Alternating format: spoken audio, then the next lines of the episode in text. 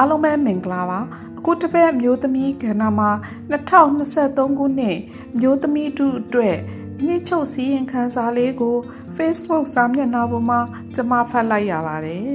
ကျမအတွက်တော့စစ်အာဏာရှင်စနစ်ဆိုးကြီးကြီးစိုးချိန်ကစလို့ပြည်သူများမှာအခက်အခဲမျိုးစုံနဲ့အတူစာဝတ်နေရေးပါမကျဲအဆင်ပြေအောင်မိမိတို့ဘဝတွေကိုစ조사ရင်ဆိုင်ကြောဖြတ်နေရတာပါပဲ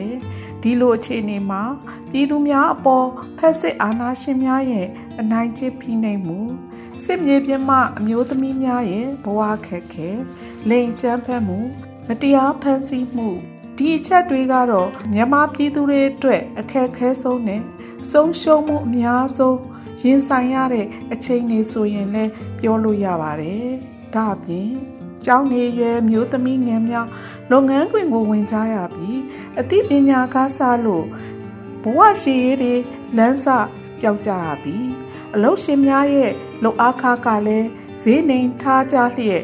မတရားဈေးကွက်ရှာနေသူတွေကလည်းအများသားပါ2023ခုနှစ်အနှစ်ချုပ်စီရင်ခံစားကမြမပြည်တွင်ဖက်စစ်အာဏာရှင်ကြီးစိုးခြင်းတော်လှန်ရေးမိသားစုအနှဲငယ်ရဲ့ဆုံးရှုံးမှုအောင်မြင်မှုအနှဲငယ်သာဖြစ်ပါလိမ့်မယ်တကယ်တော့ကျမတို့မျိုးသမီးတူကြီးရဲ့အခက်အခဲများကလူထုအလဲမှာအများအပြည့်ကွယ်ပြောက်ဖုံးကွယ်သွားတာတွေကလည်းအများကြီးပါအရှက်တရားကြောင့် အရှိတရားကိုမဖော်ထုတ်နိုင်ခဲ့ကြသလိုအသိဉာဏ်နဲ့သတင်းပေးပို့နိုင်သည့်အခက်အခဲများကြောင့်အချို့ချို့သောမျိုးသမီးများမှာအသက်ဆုံးရှုံးရသည့်အထိဘဝပြက်ခဲ့ရတာတွေလည်းနေရာဒေသအသီးသီးမှာရှိနေကြမှာဧကံမလွယ် ဒီအတွက်2024ခုနှစ်မှာသက်ဆိုင်ရာဝန်ကြီးဌာနမှဥပဒေစိုးမိုးမှုအတွက်ပြင်ဆင်မှုများပြုလုပ်ကြရမှာဖြစ်တယ်လို့ကျမတို့မျိုးသမီးဒူကြီးကလည်းမိမိကိုအနိုင်ကျင့်မှုများရှိလာခဲ့ရင်ကြိုတင်ကာကွယ်နိုင်သည့်ခွန်အားသက်တည်အသိပညာဘဝတုတ္တများရှိနေကြဖို့လဲလိုအပ်ပါတယ်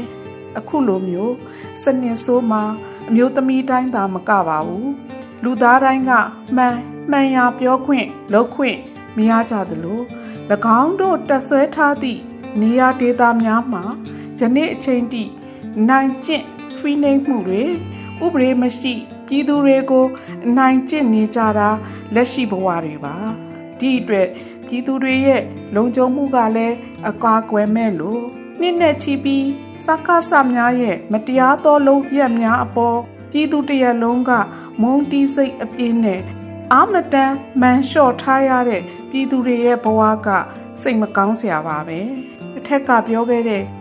2023ခုနှစ်ရဲ့အနှစ်ချုပ်ခဲ့သူပြည်သူများမှကျန်းဖက်ဖက်စစ်အာဏာရှင်များရဲ့အမျိုးသမီးများအပေါ်အကြမ်းဖက်အနိုင်ကျင့်မှုများကို ပြည်သူတယောက်အနေနဲ့ report တစ်စောင်အဖြစ်ရေးသားခဲ့တာမျိုးမရှိခဲ့ပေမဲ့လေ